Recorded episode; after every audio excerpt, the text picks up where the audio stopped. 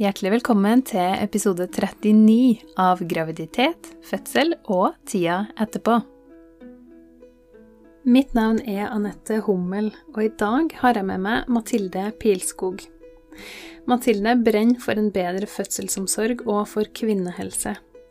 Hun fødte sjøl under høytida i pandemien i april 2020 og skrev et innlegg som heter hashtag 'Jeg fødte alene', som støtte til hashtaggen 'Jeg føder ikke alene'. Innlegget fikk massiv oppmerksomhet og ble publisert i Dagsavisa og var med på å påvirke Stortinget til å godkjenne hurtigtesting av far. Sida har hun også skrevet kronikken 'Hvorfor får man mer hjelp etter en kneoperasjon enn ved keisersnitt?', som ble publisert av TV 2. Til vanlig jobber hun som fysioterapeut innenfor kvinnehelse og som gravidyogainstruktør. I denne episoden så snakker jeg og Mathilde om oppfølging etter fødsel, og da kanskje særlig etter keisersnitt. Hjertelig velkommen hit på podkasten, Mathilde. Tusen takk. Kjempefint å ha deg her. Ja, Veldig koselig å få komme. Ja, så fint, da. Kan ikke du starte med å fortelle litt om deg og din bakgrunn? Jo, altså jeg Ja, jeg heter jo Mathilde, jeg er 31 år. Eh, jeg har en datter på 14 måneder og en samboer. Eh, jeg er fysioterapeut eh, og jobber for det meste innenfor kvinnehelse. Og så er jeg også yogainstruktør og PT. Og innenfor yoga så har jeg jobbet med terapeutisk yoga og gravidyoga. Ja. Ja. Jeg elsker gravidyoga. ja, jeg òg. Bra. Eh, yes, eh, så litt sånn generelt ellers fra bakgrunnen min, så har jeg vært veldig opptatt av kvinnehelse lenge. Uh, spesielt pga. at jeg selv har noen typiske kvinnesykdommer, da bektere. Så jeg er veldig interessert i revmatisme også. Eh, og så har jeg alltid vært liksom interessert i kvinner generelt. Jeg har vært med å starte et kvinnenettverk for unge gründere og ledere. Så det var liksom Det var den retningen her jeg skulle gå, føler jeg. Ja. Um, og så har jeg alltid vært veldig interessert i fødsel. Uh, og lest og hørt mye på podkast før jeg i det hele tatt tenkte at jeg selv skulle bli gravid, fordi jeg syntes det var så interessant bare det å høre venninners fødselshistorier og ja. Ja. Den det kjenner kanskje du igjen. ja, det gjør jeg absolutt. Jeg kjenner meg veldig igjen i det du sier nå. ja. Um, og så ble kanskje mitt engasjement rundt fødselsomsorgen den ble ganske forsterka da jeg selv skulle føde eh, midt i pandemien. Um, mm. Og det gjorde jo at jeg ja, delte min fødselshistorie i år um, for å Eh, som jeg da kalte jeg fø, eh, Nei, jeg fødte alene, var vel den het. Ja. Hvor jeg da delte hvordan det var å være alene på sykehuset, mm. eh, på fødeavdelingen, eh, under pandemien. Eh, og den gikk jo viralt og var jo med på å gjøre noen endringer. De hadde i hvert fall møte på Stortinget noen dager etterpå. Um, hvor da far fikk hurtigtest uh, for å komme inn på fødeavdelingen.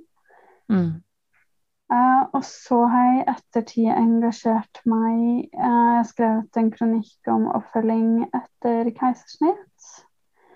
Og så er jeg med i to grupper som organiserer seg for kvinners rettigheter under fødsel. Den ene Birthright Norge, og den andre er Din fødsel. Jeg tror du har hørt om begge to her på podkasten tidligere. Det har jeg. Så det er sånn ståa i dag, da. Nå Ja. engasjerer jeg meg veldig for uh, fødselsomsorg og kvinnehelse. Mm. Wow, du er jo midt i, midt i smørøyet skulle jeg til å si, av det, som, av det som foregår akkurat nå av utvikling på fødselsfronten i Norge. Ja, jeg har havna der, kanskje. Ja. Så jeg syns jo det er veldig spennende da, og givende. Det er noe Mm. som engasjerer meg veldig. Mm. Ja. Mm, kjempebra. Jeg, jeg føler at vi jeg føler at vi har altfor mye å snakke om til at det passer i én podkastepisode. Ja, ah. det er kanskje det. Ja, men i dag så skal jo vi annet snakke om oppfølging etter fødsel, Mm. og da særlig kanskje keisersnitt. Mm. Um, og det er jo kjempe Jeg må si det også, at jeg syns det det er så Det var så um, Ja, det var veldig spesielt for meg å lese den fødselshistorien din når du delte den, og den gikk viralt. Det Mm. gikk så inn på meg, og jeg, jeg, jeg grein skikkelig, og jeg syns det var ordentlig Jeg syns det var så modig av deg å dele den på den måten. Mm. Eh, og jeg vil, bare, ja, jeg vil bare si tusen takk for at du gjorde det, for det var, det var så viktig for at vi skulle komme et skritt videre nå med at, eh, med at eh, Ja, hvordan det gjøres med partner og fødsel og Mm. det har jo vært helt, det har jo vært helt på trynet i løpet av denne pandemien, så har det jo bare vært, det har jo vært helt tullete system. Mm. Og du har jo virkelig vært en, en ordentlig viktig person uh, for å få litt endring i det, sjøl om vi har fortsatt litt å gå, altså. Men uh, Vi har fortsatt langt å gå. Det er ikke Ja. sånn at uh, alt er bra nå, men eh, det er stadig skritt i riktig retning. Mm. Ja, Men det jeg syns er rart med det hele, er hvor hvor lett det var å sette sånne grenser for eh, eh, gravide, både under kontroller og eh, fødende og på barsel. Og nå har ikke jeg all informasjon, så jeg kan ikke si det konkret, men selv i, jeg vet at selv i Italia og Spania, som var veldig hardt rammet på samme tidspunkt, de fikk lov å ha med seg partner hele veien. mm, Så det, er, det gjelder sikkert andre land også, men mm, jeg, jeg kan fortsatt ikke helt forstå hvor strengt de gjorde det, og hva som var regelen med fire centimeter, og Nei, altså Det er litt absurd. ja. Jeg det, altså. Mm. Ja. Jeg klarer heller ikke å finne helt logikken i det, altså. Og, og nå fortsatt så rolig som det er nå på smittefronten, Mm. så eh, jeg, og, jeg og mannen min, vi har nylig vært på, på ultralyd, eh, Mm. for jeg er jo ca. halvveis i mitt svangerskap, og, og vi måtte jo, vi dro jo til et annet sykehus enn det sykehuset som vi hører til, så vi kjørte litt over en time, selv om vi bor ti minutter fra St. Olavs hospital, Mm. så kjørte vi over en time for å komme til et annet sykehus der han fikk lov til å være med på rutineultralyd. Mm. Eh, og det er så sprøtt for meg, da. Det er så rart at, eh, at den ene parten Mm. i Altså, fordi at vi er jo like viktige i det her, føler jeg, da. Både jeg og mannen min. Og at han skal bli utestengt, det er så og, og bare den tanken på at jeg skulle ha dratt på den ultralyden alene, det var jo helt uaktuelt for meg. Da hadde jeg ikke dratt på ultralyd. Da hadde jeg bare sagt Nei, er takk. hva, hva man får en dårlig nyhet eller et eller annet. Ja. Du trenger støtte, eh, så det gjelder ikke kun under fødsel. Og Mm. Ja, jeg selv måtte jo ta avgjørelsen om jeg ville ta keisersnitt eller vaginalfødsel der og da alene uten partner til stede. Og Tenk det, da. det er jo, og spesielt da så var det jo Jeg visste jo at hvis jeg valgte eh, keisersnitt, så fikk han ikke være med, så det var jo la jo enda et press på det. Men Mm. bare det derre Det er så store avgjørelser. Dette her er noe som skjer én, to, tre ganger i livet, kanskje. Men for meg så var det jo første gang også. eh, Og um, det er en veldig stor begivenhet for den det gjelder, og det merker jeg alle samtalene jeg har hatt med kvinner nå i ettertid av at jeg delte min historie. Så uansett om det er 25 år etterpå, så er det såpass en så stor hendelse i livet at de husker den omtrent i detalj, og det sitter fortsatt eh, både traumer og gleder eh, relatert til det.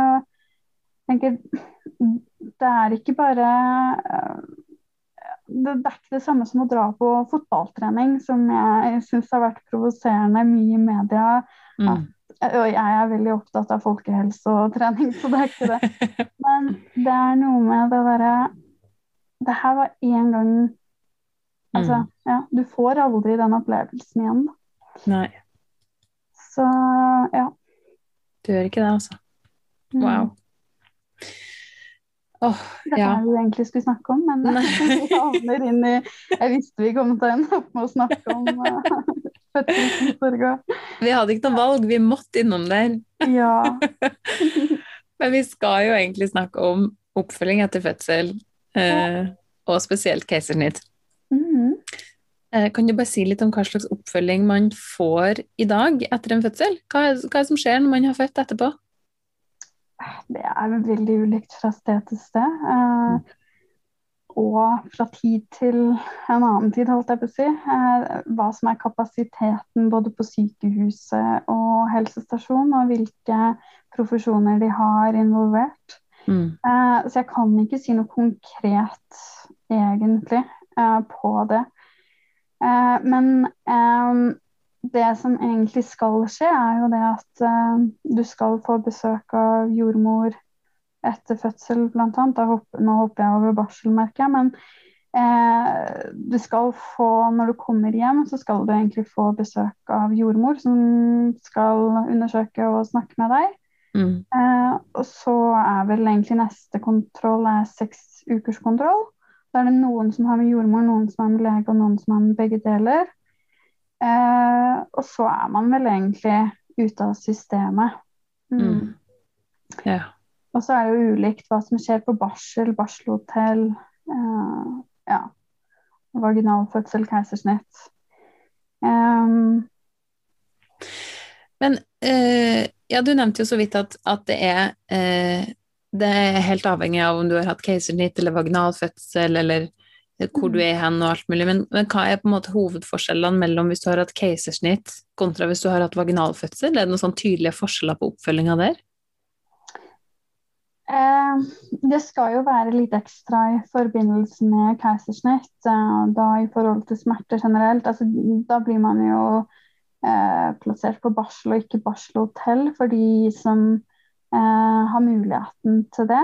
Mm. Um, så barselhotell da har alt som regel gått veldig greit med mor, og hun blir ikke behandlet som syk, kanskje, altså, hvis det er det som er definisjonen. Men har du hatt keisersnitt eller noen andre komplikasjoner f.eks., så blir man jo plassert på barsel uansett. Og da Mm. skal man jo få ekstra oppfølging. Uh, etter keisersnitt så gjelder jo det da smerte, som sagt. Eh, også å komme seg ut av senga, at man har kateter osv. Um, så her er det også, skal det jo være oppfølging av amming. Og så er det noen steder hvor det er en fysioterapeut som kan være til stede, og som kan ha noe gruppeundervisning, men det er ofte for de som er såpass gode at de kan samle seg på et rom. Og Derfor så regner jeg med at det ikke er noe under korona. Mm. Um, så vi kan gi noen tips i forhold til kniping og sånne ting. Mm. Ja, ikke sant? Men i forhold til keisersnitt så mener jo jeg at det burde vært mye mer oppfølging. Det er jo litt det jeg har snakket om. Mm. Eh, fordi eh, det er ganske mange retningslinjer for barsel. Det er jo mye av. Eh, men veldig mye av det er sånn kan og bør, men ikke må. Og jeg tror det liksom kanskje feilen, hvis man kan si. Fordi det står veldig mye fint i de retningslinjene, men det er sånn kan ha samtale med eh, fødende om fødselen, f.eks. Eh, men ikke eh, at man skal ha det. Mm. Eh, så jeg tenker de er såpass diffuse at når det ikke er kapasitet, så er det veldig lett å la være å gjøre det. Og så er det også veldig mye av det som foregår på barsel som ikke kan dokumenteres eh, på lik linje med eh, ting som skjer under fødsel. Da. Altså, de kan jo krysse av for hvert enkelt inngrep de gjør. Så blir jo Mm. det registrert, og det gir også penger i kassa til fødeavdelingen. Ja, helt sykt. Mens på barsel, så, sånn jeg har forstått det, så er det ikke noen ting de kan krysse av, og dermed ikke noen ting de kan få penger for heller. Um, og sånn er jo systemet, dessverre. Mm. Så, Det er jo helt tragisk. ja. Rett og slett. Så det er eh, Altså, vil det si at i um, sånn jevnt over så kan man etter et keisersnitt få akkurat den samme oppfølginga som etter en vaginal fødsel. Mm. Hvis at det er uh, mye som foregår på sykehuset, lav kapasitet osv. Ja, egentlig. Jeg syns ikke at jeg fikk så veldig mye mer enn hva jeg hadde hatt behov for ved en vaginal fødsel, annet enn at jeg selvsagt fikk smertelindring og fikk hjelp til å komme meg ut av senga. Um, men jeg trengte jo veldig mye mer hjelp enn det. Mm. Uh, og selv det med å komme seg ut av senga Jeg var jo så svimmel. Både sikkert etter å ha prøvd å føde i noen dager, Eh, smertestillende, hadde vært i narkose. Uh, ja. Mm. Jeg var sliten. Så jeg trengte jo støtte. jeg klarte ikke å reise meg opp på egen hånd. Mm. Eh, det første døgnet, selv om jeg som fysioterapeut vet at det er bra sånn, så, så var det vanskelig å få det til. Ja. Um, så jeg trengte støtte der. Klart. Uh, mm. Du er jo ikke fysioterapeut i den situasjonen, du er jo pasienten. Mm. Sånn at du kan ikke, det kan ikke forventes at du er din egen fysioterapeut. Nei. Det går ikke. Og det er jo noe jeg har snakket med flere sykepleiere også om, som har uh, tatt keisersnitt. Uh, mm. Hvor de har oppdaget infeksjoner på seg selv, høyt blodtrykk på seg selv. Altså de har måttet si fra, fra om at nå, dette her er egentlig de på barsel sin jobb. Ja. Uh, nå er det jo ja, jeg vil ikke snakke ned om de som jobber på barsel, fordi jeg mener ikke dette her er deres feil. Eh, det er eh, for lite ressurser de løper. De tar over jordmødre fra barsel til føden når det er mm. sprengt kapasitet. Så her trengs det egentlig flere ressurser, flere personell. Men så er det også en liten sånn holdning eh, blant noen, jeg tror det er noen fåtall, men det er fortsatt en holdning der ute om at eh, ja, keisersnitt er en vanlig fødsel, og at det er like slitsomt å føde vaginalt. Uh, eller at fødsel er naturlig, og dette må du tåle og sånn. Og det, mm jeg har snakket med såpass mange nå, ulike mennesker som, fra ulike sykehus som har fått disse beskjedene. Selv helsepersonell som ligger der, som vet hvordan det er å være helsepersonell på andre operasjoner. Eh, og jeg er helt enig i at det å føde generelt er også en uh, stor utfordring uh, på mange måter. Uh, så det er ikke det at vi skal liksom få masse ekstra, men vi har likevel gjennomgått en stor operasjon som vi på andre avdelinger hadde fått uh, ja, tilretteleggelse for at vi ikke skal løfte for hjelp til å komme oss ut, nok smertelindring. Mm. Og her har vi født i mange dager ofte og vært gjennom noe ofte traumatisk spesielt. Um, altså, to tredjedeler av alle keisersnitt er jo akutte. Uh, og det vil jo si at noe har gått galt, og kanskje ikke er sånn som kvinnen ønsket. Ja. Uh, så det er, det er, så komplisert. Det er så mye større enn på, uh, på Ikke bare en fødsel, fordi det er også stort, men en vaginalfødsel eller en operasjon der liksom du får mm. to inn, og du får ikke tid til å hente deg inn. Du får ikke tid til å hvile, du får ikke tid til å hele såret ditt. Fordi du er egentlig på jobb som mor ja. 24-7 med en gang. Mm. Ja, mm. ikke sant. Ja. Og det er jo Ja, nei, jeg, jeg så um, jeg er ganske sikker på at det var du som delte på Instagram en sånn sammenligning mellom en kneoperasjon og et keisersnitt. Mm, det var meg. Ja, ja Og oppfølginga du får etterpå.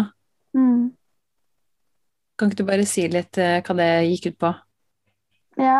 Uh, nei, altså ved andre operasjoner, spesielt ortopediske operasjoner, uh, så får du jo eh, både informasjon og opptrening på forhånd av operasjonen.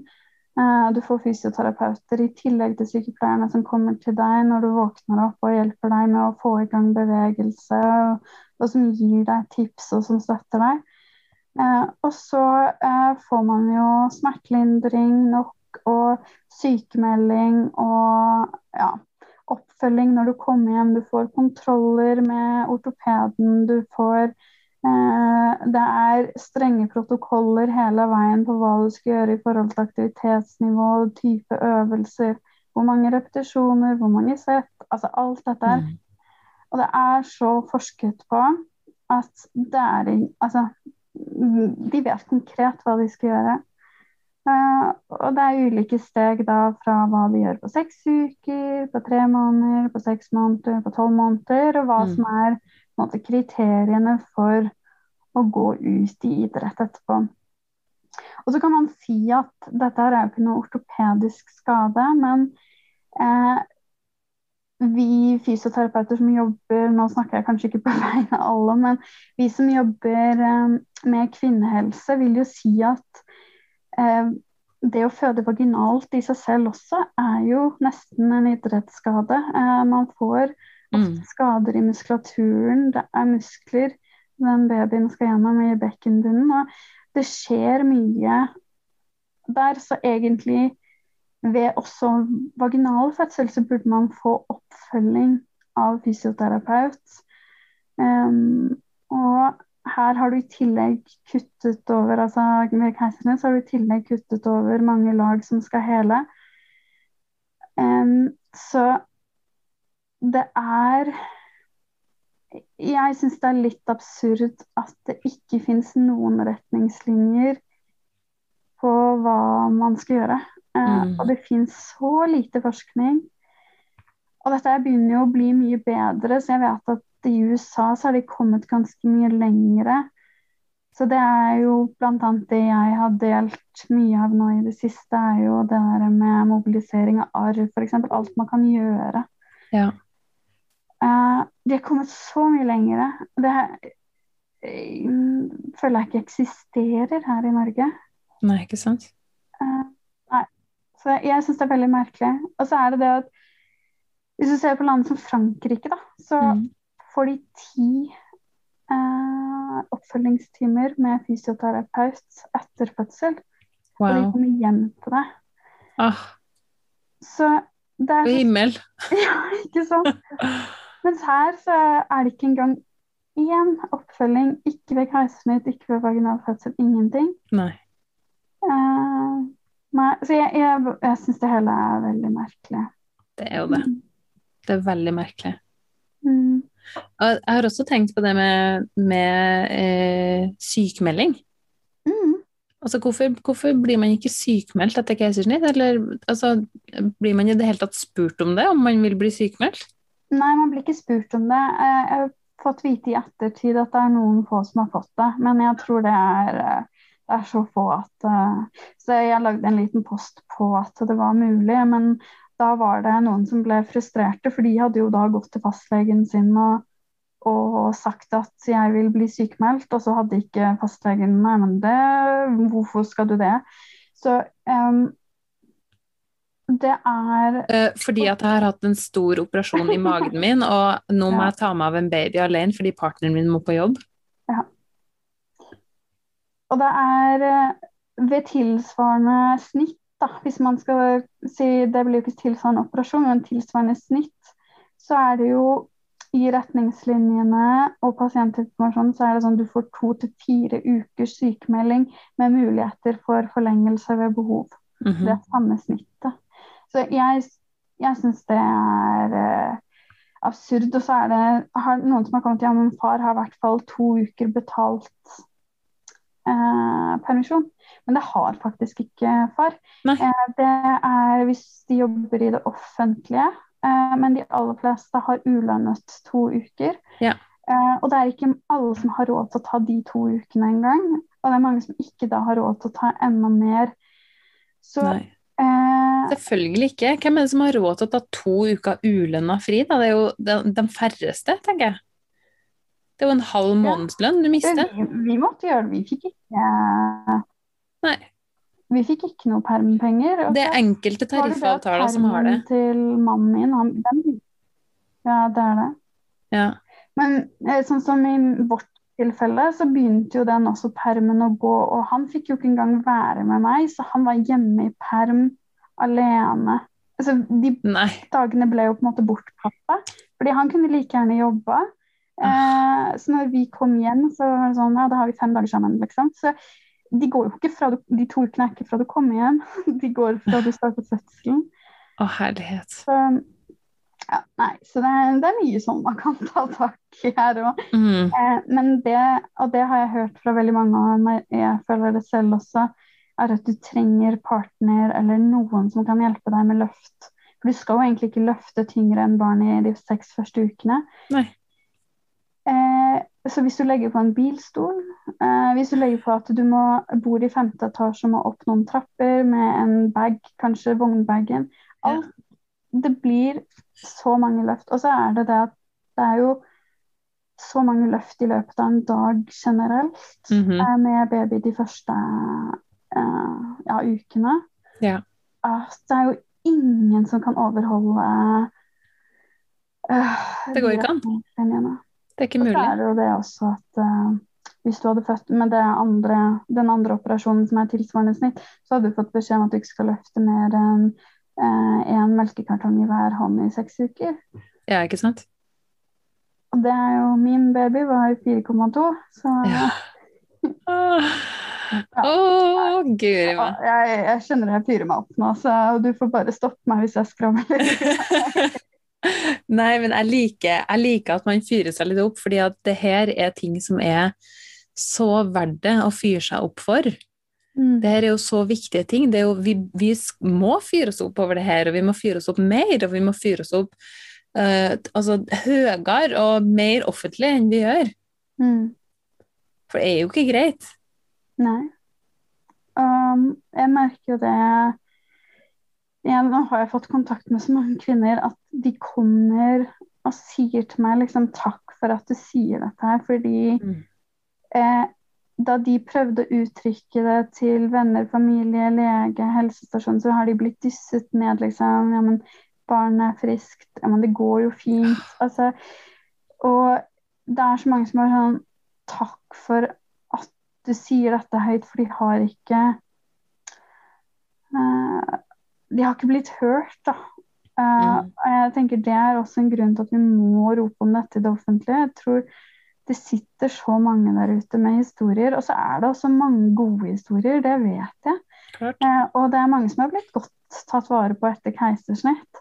Så det er ikke bare negative ting. Men selv de som har blitt godt tatt vare på, har jo fortsatt ikke møtt Har ikke fått time hos fysioterapeut etterpå, f.eks. Så det er jo fortsatt For dem også så er det jo forbedringspotensial. Mm, absolutt. Ja. Det er akkurat det. Det er liksom det at når vi ikke, når vi ikke vet hvordan det kunne ha vært, så Mm. tenker vi at ja, ja, men jeg fikk jo bra oppfølging, jeg. Å ja, de får ti timer med fysioterapi i Frankrike, ja. Eller Italia. Nei, Frankrike var det. Frankrike. Ja. Å ja, de får ti timer med fysioterapi i Frankrike. Oi, det kunne jeg jo tenkt meg. Mm. Liksom, når vi ikke vet hva som er mulig, da, eller hva som hadde vært bedre, så tenker vi kanskje ja, men det er jo helt fint sånn som det er. Mm. Og så er det jo egentlig ikke helt fint. Nei, altså jeg reagerer fordi bare denne uken her så er jeg to pasienter, en fra Frankrike, en fra USA. Eller, ja. Mm. Og begge to hadde født, hun fra Frankrike hadde født ett barn i Frankrike og ett barn i Norge. Og det samme med hun i USA. Mm. Og begge to var sjokkert over hvor lite oppfølging de fikk her i Norge. Ja.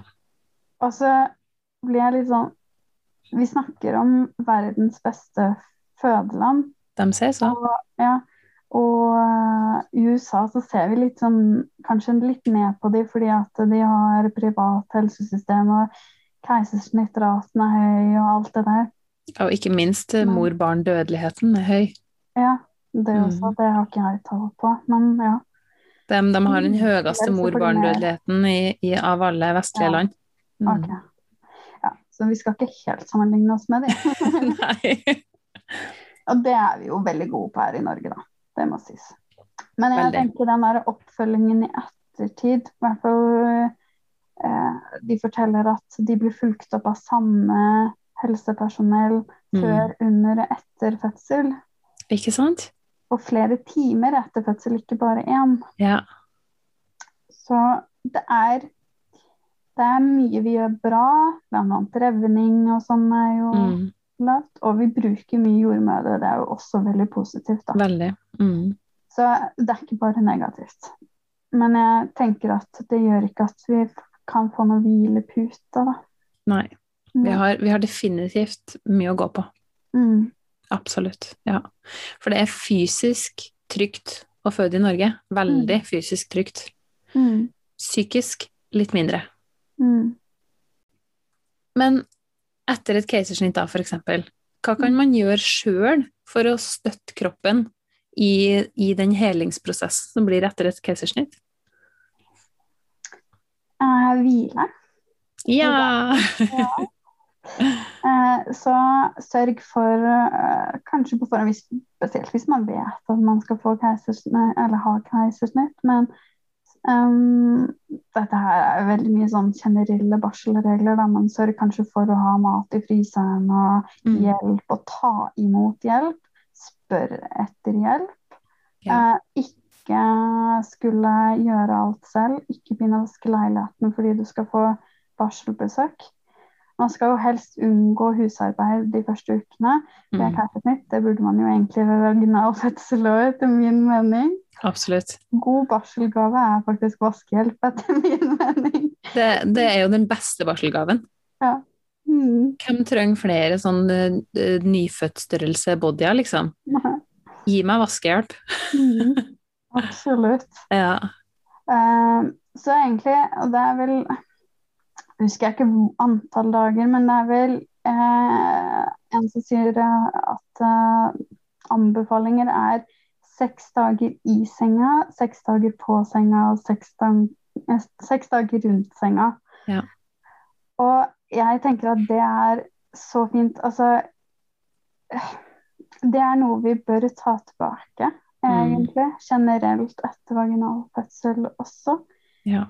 Eh, fordi eh, kroppen trenger å heles, og mor trenger å få kontakt med barnet også og slappe av. Mm. Eh, og jeg tror mye hadde blitt gjort allerede der. Og eh, før Man kan si at ting ikke alltid var bedre før, men og jeg vet ikke hvor bra det var på barsel å ligge i to uker, som våre bestemødre ofte gjorde. Mm. Men hele det der konseptet med at it takes a village Altså du hadde Du skulle holde sengen før Altså, mor var hellig før. Ja. Eh, og ja jeg, jeg mener at vi bør få litt tilbake den. Den tror jeg er egentlig det som ville gjort mest for de fleste plager. Det betyr ikke at man ikke skal opp og røre seg, fordi det er også veldig bra. Men man trenger ikke ut i aktivitet så fort, da. Nei. Og det gjelder også den seksukersregelen om at nå kan du trene. Når folk hviler fram til da, og så løper de på seks uker.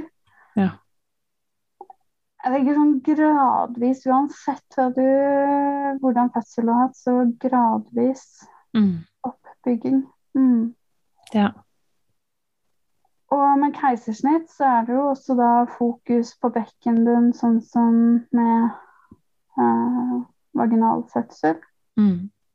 Men det man kan gjøre med keisersnitt, er å begynne å vende eh, huden rundt snittet til berøring. Fordi når du kutter eh, det snittet, så kutter du også av nerver. Og de skal gro sammen, og det tar litt tid. Og det kan også gjøre at det klør veldig i huden, eller at det blir en sviende følelse, f.eks. Men veldig mange er numne over snittet. Og da kan det hjelpe å begynne å bare berøre det med fingertuppene, eller med en q-tips, med et håndkle. Bare begynne å gjøre eh, området rundt vant til det. Og helst etter seksukerskontrollen når du begynner Når du vet at såret har grodd, så kan du begynne å kan begynne litt før også, men ikke så veldig hardt. Men begynne å massere litt på selve arret for ja. å løsne litt opp i arrvev. Mm. Og senere eh, jobbe litt dypere mm, med massasje rundt arrvevet. Dette her er noe som ikke er snakket veldig mye om. Mm. Eh, men her har de kommet mye lenger i veldig mange andre land på at de ser en veldig stor forbindelse med arrvevet og plager som kvinnen har i ettertid. Med eh, smerter under øvelser eller ved å gå på do, eh, ved sex eh, Ja, ved mye andre situasjoner hvor de har smerte under arret, og dette bør man få jobbet med eller få, få, undersøkt, gjerne hos en fysioterapeut eller annen terapeut som kan det, som også kan behandle det. Ja, ikke sant. Og eh, dette kan jo gjøres da eh, det, det, bør jo De sier at man har mest effekt hvis man gjør det innen det første året. Eh, men mange har god effekt også senere. Så det er ikke for sent hvis man har født med keisersnitt for noen år siden. Og man mm. kjenner man har vondt under øret, så går det an å gå og få behandling av det arbeidet. Så bra. Mm. Ja, det er kjempebra. Uh, og så uh, Det kan også, det arbeidet kan også forresten gjøre at uh, det kan være vanskelig å få kontakt med magemusklene igjen. Man mm. ser jo også høyere forekomst av delte magemuskler, eller at de har problemer da med den koblingen i ettertid. så det kan være som å få hjelp for, eller øve litt på selv. Og så glemte jeg noe viktig også, og det er faktisk å puste ned i magen. Og mm. begynne med det. Mobiliserer også området og gjør at det ikke Det er veldig mange som begynner å holde pusten. Eh, tør ikke puste helt ned i magen eh, fordi det gjør vondt i starten. Men det der å ligge og bare begynne å bevege seg mer og mer ned mot det arret, det vil også løsne opp i mye. Mm. mm. Ja, ikke sant. For man holder litt på det. Det kjennes litt skummelt kanskje å, å puste på det, eller puste i det, eller bevege på det. Mm. Mm, det er forståelig. Og så er det noe som jeg selv merket For jeg har tatt en del operasjoner før. Uh, dette arret var ganske annerledes. Mm. Fordi det satt så mye syke i det, på en måte. Ja. Det var da jeg skulle ta av bandasjen. For, for første gang, jeg holdt på å gå i bakken. Jeg, ble, jeg fikk helt sånn Jeg tror jeg hadde et angstanfall, egentlig. Jeg ble mm. nesten helt hysterisk. Det var nesten som å gå tilbake i fødsel. Ja. Eh, det er noe med det arret Jeg vet ikke om det gjelder alle, det gjelder sikkert ikke alle. Men jeg tror også det, det er ganske sensitivt område for veldig mange. Mm. Så, mm, så, det å begynne å jobbe med det og være kjærlig mot det, det tror jeg faktisk er ganske viktig. Ja, mm. absolutt. Det setter nok veldig mye følelser i det arret for mange, tror jeg. Mm. Det vil jeg tro. Det kan være også for vaginalfødsel. Altså det er jo et mm. område med mye Ja. Absolutt. Med mye følelser. Mye følelser. Ja, mm. ja veldig. Absolutt. Og hele, hele bekkenområdet egentlig kan jo være et sted der man holder på mye. Både traumer og følelser og alt mulig kan jo holdes i det området. Ja. ja. Absolutt. Mm. Som igjen kan henge sammen med smerter i bekken. Ja, mm. sant. Og når vi er inne på det med, med bekken og bekkenbunn, så har jo bekkensjekken den har jo vært litt sånn i vinden, føler jeg. Mm. det har vært, vært, mye snakk om bekkensjekken. Hva er det egentlig? Hva er bekkensjekken? Ja, nå er det jo ikke jeg som har starta det, så jeg skal ikke Men, men eh, det er jo egentlig en undersøkelse av bekkenbunnen på seksukerskontrollen eh, i etterkant av fødsel. Eh, og i dag gjøres jo det av eh, fastlege og, og eller jordmor, som vi snakket om tidligere. Um, men det er ikke nødvendigvis sånn at noen undersøker deg vaginalt. Uh, og det skjer, ja, som vi har snakket om nå, så skjer det jo litt der nede uh, både under svangerskapet og også i fødsel. Uh, og det gjør at det, mm, kvinnen kan ha mye plager. Ja, så man får da som oftest en sjekk hos fastlege. Um, sånn som jeg opplevde Jeg fikk ikke Jordmor så meg aldri etter fødsel.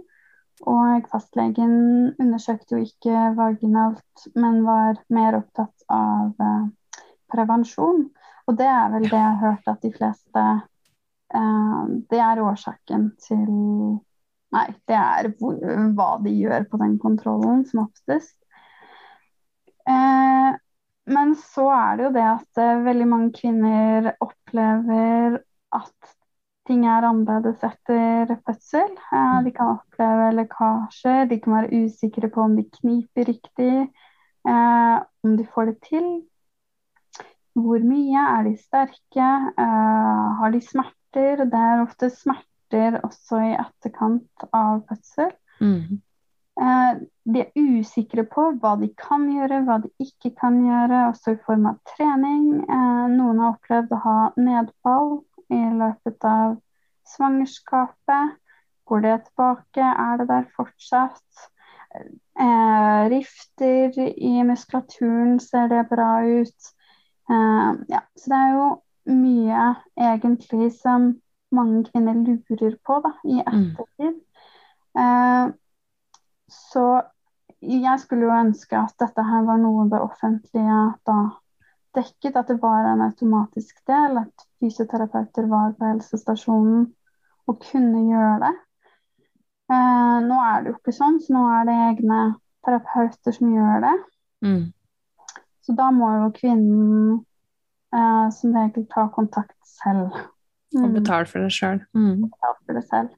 Ja. Eh, jeg vil jo si, selv om jeg gjør det, og kvinner betaler meg for tjenesten, så er jo jeg kanskje inhabil på det settet. Men jeg tok det selv etter min fødsel og vil si at det er en god investering. Også for å vite at alt er greit. Jeg mm. eh, sjekket meg eh, rundt seks uker etter fødsel og fikk vite at For jeg hadde hatt nedfall da under eh, svangerskapet. Mm. Og kjente mot slutten at selv jeg som på en måte trente andre i bekkenbunn, ikke helt fikk kontakt med min egen bekkenbunn. Mm. Uh, så det var veldig sånn uh, det å, Jeg slappet veldig av da, når jeg kunne få høre at styrken min var tilbake. Her er det ikke noe tegn på nedfall eller livmorprolaps. Mm. Ja, ikke sant? Bare det der å få den OK, det er godkjent på en måte. Ja. Eh, det var veldig behagelig for meg å vite. Mm. Eh, og så er det jo det at eh, vi får beskjed om å knipe, men hva er å knipe? Og vet du at du gjør det riktig? Fordi det er en muskel vi ikke kan se. Og ja. vi som instruktører kan jo heller ikke se at kvinnen gjør noe som eh, Det kvinnen skal, da. Ja. Eh, så Eh, det er faktisk eneste måte å mm. undersøkt det på. Ja. Absolutt. Og det er jo egentlig det er også en helt ufarlig undersøkelse. tenker Jeg Jeg tenker det er fint å nevne det også, for jeg tror det er en del som kvier seg for å ta en sånn undersøkelse ja. hos en fysioterapeut. Jeg har faktisk vært på en sånn hos en bekkenbunnsfysioterapeut ja. og fått sjekka det, og, og liksom sjekka at jeg kniper riktig og sånn. Mm. Det er jo så verdifullt. Mm. Kjempe. Jeg er så glad for at jeg har gjort det før jeg ble gravid. At jeg på en måte kan, kan knipe trygt, da. man, kan jo, man kan jo risikere at man gjør det helt feil, og at man bare gjør vondt verre, skal jeg si. Ja, altså, det er veldig mange som bare presser ut, som ikke mm. trekker inn. Uh, og så er det jo det at veldig mange, spesielt kvinner som trener veldig mye, så det er vanlig blant treningsinstruktører og sånn, det er jo det at de kniper såpass mye at de får en veldig stram bekkenbunn. Og Ja. det er jo ikke eh, veldig hensiktsmessig under en fødsel heller. Så det er noe med det der eh, å kunne eh, spenne av muskulaturen også, ha den kontrollen, at du både kan knipe og slappe av. Absolutt. Det er veldig viktig også i svangerskapet og under fødsel får man mye igjen for det. Det er jo gjort studier på at de som kniper da under svangerskapet, har en kortere forløsningstid enn de som ikke kniper under svangerskapet. Sant. Wow. Og så vil jo jeg påpeke at i svangerskapet så vil jeg fokusert mye på avspenningen. Ja, Mm. ikke sant. Dette Så gjør begge deler. Ja. Ja. Det er egentlig like viktig. Det er det nesten like viktig generelt også. Så Mm. når du kniper, så må du eh, vente etterpå. Altså, du må slappe av i bekkenmuskulaturen i ti sekunder før du kniper på nytt igjen, Mm. vil jeg si. For da får du slappet ordentlig. At du tar flere pust etter du har sluppet knipet, bare for at du kjenner at du slapper ordentlig av i bekkenbunnen. Mm. Mm. Mange har dårlig tid og tar ti knip rett etter hverandre. Ja, ikke sant? Jeg merker at jeg sitter og kniper mens vi snakker om det nå, for jeg, det blir sånn Å ja, sånn ja. Altså, ok, ja, da tar jeg to fulle pust før jeg kniper på nytt. Altså. Så jeg håper, at det, jeg håper det er mange som hører på, som sitter og kniper mens de hører på. gjør nok det. Jeg gjør alltid det når jeg hører det podkasten. Gjør du det? Ja. Og kniper mens jeg instruerer òg, vet du, for det er Ja, ja. lettere å gjøre det selv. Eller sånn. Ja. Nei, så Ja. Men jeg er kanskje Mm. litt skada, jeg, da. Yrkesskade. Yrkesskade. Jeg er jo kanskje litt uh, vel opptatt av det, men vi ser jo Vi har jo forskningen på vår side der, da. Mm. At det hjelper. Mm. Ikke sant? Men så er det det. Man skal ikke være redd. Det er ikke sånn at vi skal sykeliggjøre alt dette her heller, men det er det er godt for en kvinne å vite uansett. På, Ja. Og eh, selv om man ikke har så mange problemer etter svangerskap, så har det skjedd såpass mye endringer at Og det kan man få uten at man har vært gravid også. Eh, at det kommer når man når overgangsalder. Mm. Sånn at det å starte tidlig er eh, viktig. Ja, Mm. klart. Absolutt. Men hva er, hva er dine tanker rundt Jeg har lest litt rundt det med bekkensjekken og, og at det er det er en del um, helsepersonell, eller responsen da, litt på denne bekkensjekken, Mm. eh, har på en måte vært litt at eh, leger og helsepersonell sier at ja, men ikke alle trenger en bekkensjekk, det er bare hvis det er noen indikasjoner Mm. eller noe sånt.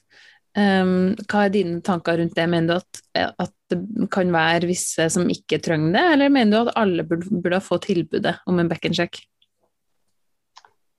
Du har et valg uansett, tenker jeg. Og det er jo som du sier, det er jo en vaginal undersøkelse. Er jo noe som kanskje ikke alle har så veldig lyst til. Um, jeg ville sagt at alle, alle trenger det. Også så fordi at um, veldig mange har fått det dysset ned at sånn er det bare etter fødsel.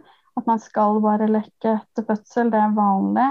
Mm. At du tisser på deg når du hopper på trampoline, den er veldig typisk. Ja. Eh, men så ser vi jo også at én av fire eh, sliter med dette her. At det gjør at kvinnen ikke går tilbake til de treningsmetodene som eller er i aktivitet.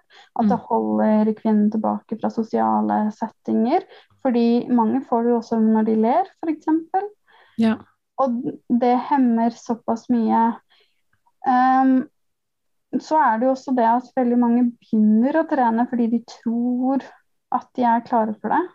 Mm. Og så kommer plagene etter åtte måneder, kanskje. Eller de kommer etter åtte måneder. Fordi det er da, da er det blitt såpass ille at noen, nå trenger de hjelp.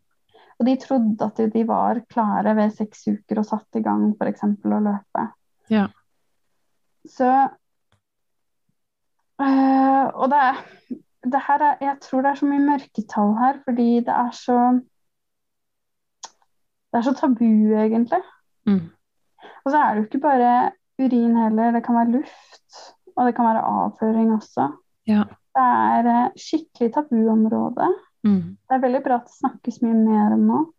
Men jeg tror det hører jeg når jeg snakker, snakker med mange, så er det sånn Å, dette her skulle venninnene mine visst. Mm. Så jeg, jeg syns Jeg skulle egentlig håpe at ah, Nei, jeg skulle ønske at alle kvinner egentlig ble lært opp i dette her egentlig på videregående som en del av seksualundervisningen. Ikke en nødvendigvis av undersøkelsen, men bare, bare for å få kontakt med sin egen kropp, rett og slett. Ja. Mm. Absolutt. Veldig. Det ble et veldig langt svar. Helt perfekt. Det er, jo, det er jo egentlig litt sånn Ja, jeg blir så overraska noen ganger over, over hvor vanlig det er som kvinne å ha veldig lite kontakt med sin egen kropp. Mm. Altså både sånn med, med den her ja, bekkenbiten, eksempel, bekkenbunnstrening og den biten der, men også bare sånn som Har du noen gang sett deg sjøl nedentil? Har du noen gang tatt et speil og sett hvordan vulvaen din ser ut, liksom? Mm. Og det er jo så mange som aldri har gjort. Mm. Og da ble jeg så sjokkert. Det, altså, jeg gjorde det i puberteten, liksom. Men altså, det, det er bare fordi at jeg er den typen som jeg er, og jeg er supernysgjerrig på alt som har med kvinnehelse å gjøre, og, og blir helt sånn Å ja, jeg ser ut sånn, ja. Å ja. Og, og kikker på andre i dusjen og bare Ja, du ser ut sånn, ok, kult. Ikke sant? Mm. At man blir Fordi at eh, jeg er litt sånn nerd på det, da. Men jeg blir så, jeg blir så overraska over hvor mange kvinner det er som som har et litt sånn avstandsforhold til hele den delen av kroppen sin. På en måte hele bekkenområdet, bekkenbunn, eh, altså eh, skjede og, og hele det området der. Mm. Og så tenker jeg at det har, som du sa, hvem er det som om, Eller om alle har behov for det. Det er jo Mm. også en del av samlivet. Mm. Eh, jeg, tror, jeg, jeg tror ikke de fleste vet det, men hvis du har kontroll på bekkenbunnen din, eh, så er jo det også bra for uh, seksualliv, for orgasme, Mm. for å få slappe av, sånn at det ikke skal være smertefullt under sex også. Ja. Det er det veldig mange som sliter med. Sånn at det er ikke bare urinlekkasje dette her gjelder, men egentlig ja, hele kvinnens ja, nytelse. Og det, jeg, jeg, jeg tenker at det, det, er jo tabu, det er ikke noe man snakker om. Og det er jo kanskje en måte En del av hele det der med å holde kvinnen litt nede, da, for å være ærlig. Mm. For det, det er jo ingenting av dette her vi snakket om på seksualundervisningen. Nå har jeg hørt at det er noen som faktisk har fått det noen steder på videregående. Eh, I som en del av gymmen, at de skal trene bekkenbunnen. Er det sant? Kult. Men, de, jeg tror det er liksom eh, veldig sjelden, da. Ja. Men dette her har jo ikke noe kun med de som føder, kun med svangerskap å gjøre. Det har med alle kvinner å gjøre. Mm. Og overgangsplager, nei, plager i overgangsalderen kan man få uansett om man er født eller ikke. Ja, Klart det. Absolutt. Mm. Og, mm, Kjempeviktige kjempe, Ja, det er så viktige tema. Det er, det er så mange viktige ting vi er innom. Jeg har så lyst til å huke tak i hver eneste ting, men jeg kan ikke gjøre det, for da blir vi sittende her i dag. ah. Eh, Er det noe mer du har lyst til å si om hvordan man eh, ting man kan gjøre sjøl for bedre bekkenhelse i forbindelse med svangerskap, fødsel, barseltid? Jeg tenkte bare sånn å komme tilbake til selve vaginale undersøkelsen, bare sånn Ja. at ingen blir redde for den. Det er ikke sånn som å gå til gynekolog. Nei. Eh, det er helt avslappende, holdt jeg på å si, så avslappende som det går an å, å få blitt. Det er på en benk, du skal ikke ha bena dine oppi noe holdere. Eh, og det er gjort på to sekunder, og det er en finger inn, ikke et helt sånn Er det spektrum eller noe sånt nå det heter? Ja. Så det er ikke vondt. Mm. Det er fort gjort, og du kjenner det nesten ikke. Nei. Ja, det er veldig fint at du tilføyer det, og det, det overraska meg litt da jeg var på den undersøkelsen òg, at det på en måte det var så innmari ufarlig, da. Mm. Eh, altså mye greiere enn å gå til gynekolog. Mm. Fordi at jeg på en måte Jeg la meg på en benk, og jeg fikk et sånn, en sånn teppe eller et håndkle eller noe sånt over meg.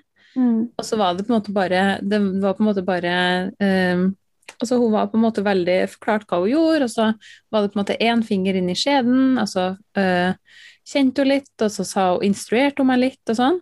Mm. Og det var ikke på en måte nå sånn, fordi hos gynekologen så ligger du liksom og skrever foran ansiktet til gynekologen. Mm. Sånn er det jo ikke. Nei, vi står på siden, så vi ser litt. Ja. Men uh, når vi kjenner, så ja, vi står ikke mellom bena. Nei. mm. Nei. Ja, veldig, veldig ufarlig. Så, så hvis man er litt sånn uh, tenker at det kan være interessant, så bare gjør det. For det er ikke, det er ikke farlig i det hele tatt. Mye greier enn å gå til gynekologen, og det regner jeg med alle som hører på, har gjort. ja. um, ok, så Eh, det med, med bekkenhelse i forbindelse med svangerskap og barseltid. Jeg tenker på ting man kan gjøre sjøl. Har du noen tips for hva man kan gjøre for å, for å ha god bekkenhelse gjennom denne perioden av livet? Eh, vi har jo vært veldig mye inne på det nå. Mm. Men kombinere bekkenbunn og pusteøvelser, vil jeg si, som avspenning. Eh, spesielt opp mot eh, fødsel, og der er det veldig mange gode eh, filer som man kan høre på. Eh, jeg tok selv hypnobirthing bl.a. Nå gjorde jeg det via England, ikke via positiv fødsel, mm. men jeg vet at hun har eh, en del. Eller så lyttet jeg også til Yogamamma sine på, eh, på, Spotify. De ligger ute der. De ja. er veldig gode. Mm. Eh, eller så er det Jeg vil anbefale egentlig gravid yoga eh, ja. og barselyoga og fokus på aktivitet, men ikke nødvendigvis har trening. Jeg er jo en treningsperson fra før, det sa jeg ikke noe om i stad, men jeg liker egentlig hardtrening. Jeg er sprinter mm. eh, fra bakgrunn, så jeg er vant til eksplosiv trening. Um, jeg roet det helt ned i svangerskapet og, og i barsel. Det er ikke den tiden av livet du skal prestere på idrett. Hvis man har lyst til det, så er det på en måte greit, men det er også greit å roe ned.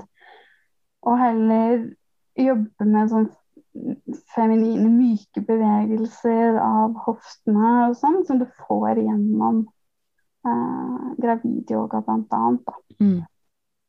Så nå Ja, nå anbefaler jeg det jeg jobber med, da. men eh, jeg vil si at det det er veldig godt. Og så har jo jeg en eh, diagnose fra før, altså Bechdel, som er egentlig bekkenleddsmerter, som bekkenløsning også er. Mm. Så det er ganske likt. Uh, så jeg gjør jo gravidyoga alltid på grunn ja. av det. Uh, så uh, jeg Ja, jeg tenker de, de, bevegelsene er så gode bare for å løsne opp rundt hoftene og rundt bekkenet. Mm. Mm. Ja, kjempefint. Ja, jeg, jeg anbefaler også gravidyoga, altså. Det er jo Altså, det, det, er det første jeg anbefaler òg, liksom. gravidyoga, absolutt. Alle. Alle må gjøre ja. gravidyoga. Selv om man ikke er fan av yoga generelt, så ja. opplever jeg at veldig mange liker gravidyogaen. Mm. Mm. Ja, absolutt. Det blir ikke helt det samme. Nei. Nei. Har du noen ressurser som du har lyst til å anbefale til gravide eller småbarnsforeldre? Ja, nå har jeg jo nevnt noen. Mm -hmm. jeg, jeg, likte jo selv veldig godt podkaster, sånn som denne, Foreldrerådet, Familieliv. Um, jeg hørte veldig mye på internasjonale òg, da. Men uh, også leste jeg boka uh, 'Give Birth Like a Feminist'. Som yeah. jeg syns er veldig uh, god. Og Millie Hill. Birth Book, som kom etter min første den leser her nå. yeah. uh, og så Ina May's Guide to Child's Birth. Den yeah. også syns jeg er veldig god. Mm. og kan, den kan være kanskje litt alternativ for noen. men samtidig så eh, har den så innmari mange sånn positive, gode fødselshistorier. Eh, som bare gjorde at jeg gledet meg skikkelig til fødsel. Ja. Og, mm. Det skjønner jeg veldig godt. Mm. Ja. Og så har ikke jeg tatt uh, en positiv fødsel, men jeg brukte hypnobirthing eh, selv. Mm. Så absolutt anbefaler det. Mm. Mm. Og gravidyogaboka til yogamammaen heter kanskje Yogamamma, men den boka også er veldig god. Mm. Mm. Kjempefint. Flott. Gode, kjempe, kjempegode ressurser. Det er en del ressurser som, som vi hører ofte på podkasten, og det er, jo et godt, eh, det jo et godt tegn, tenker jeg. Det er Ja. mange som bruker det. Ja. Mm. Eh, og hvor kan folk eh, finne ut mer om deg? Eh, ja, jeg uh, har laget en Instagram-profil som heter kvinnehelse-fysio. Og så har jeg egen nettside. Den er, jeg har nettopp laget den også, så den er ikke helt oppdatert ennå. Men der kommer det mer, og det er matildepilskog.com. Ja, Mm. spennende. Yes. Så bra. Og så kan du finne meg på klinikken, da, selvfølgelig. Men Ja. Bare kom. Bare kom. Ja, Mm. så fint. Ah, eh, tusen takk, eh, Mathilde. Jeg, jeg gleder meg til å høre denne episoden tilbake igjen, og liksom høre litt på den røde tråden, for vi har vært litt innom litt forskjellige ting, føler jeg. Ja, jeg også lurer litt på Jeg kjente at jeg begynte å skravle litt, så Ja. jeg håper det ble, ble Gud, nå klarer jeg ikke å prate lenger. Ble bra. Det Så, tror jeg. ja. Det tror jeg Mm. absolutt. Tusen hjertelig takk for at du ville være med og, og del av, av både din, din innsikt og ikke minst ditt engasjement. Mm, Jo, Mm. takk for at jeg fikk komme og dele. Takk for at du hørte på graviditet, fødsel og tida etterpå. Hvis du liker denne podkasten, så er det kjempefint om du vil gå inn på Patrion og støtte podkasten med et lavt beløp i måneden. Det starter på bare 40 kroner i måneden for å være med og støtte opp under og sørge for at podkasten kan fortsette i lang tid framover. Og til gjengjeld så får du forskjellige ting tilbake fra meg. Hva du får, det kan du se på Patrion. Bare følg linken i episodeteksten. Ditt bidrag betyr kjempemye for meg og for podkasten og for alle de fremtidige lytterne som forhåpentligvis får stor glede og nytte av å høre på episodene. I tilfelle det var noen tvil, så vil jeg også nevne at jeg ikke er verken lege eller jordmor. Temaene som tas opp på denne podkasten er kun ment som generell informasjon, ikke som råd eller oppfordring til handling. Hvis du har spørsmål eller bekymringer når det gjelder din egen eller ungene dine sin helse, så vil jeg på det sterkeste anbefale at du snakker med legen eller jordmora di.